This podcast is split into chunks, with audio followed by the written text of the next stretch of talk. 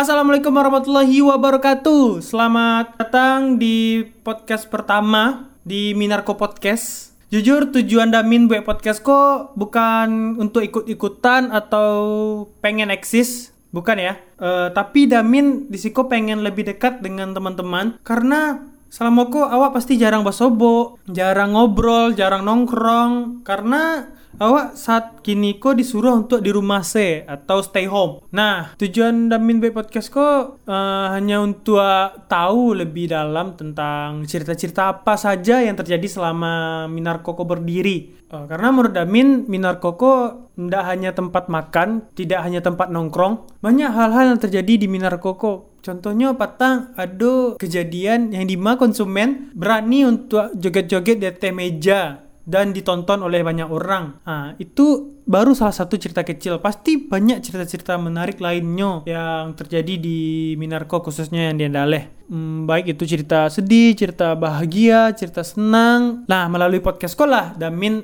eh, berharap teman-teman bisa meluangkan atau mengungkapkan cerita-cerita tersebut eh, agar rindu kita ini, sik, agar rindu kita ini terobatkan. Jujur Damin kangen suasana yang dima awak duduk-duduk pas sama kok. Jujur kangen bana tapi kini lagi tidak bisa. Nah, Damin berharap teman-teman bisa sharing ceritanya di DM atau di komen uh, atau beko Damin buat pollingnya di Insta Story.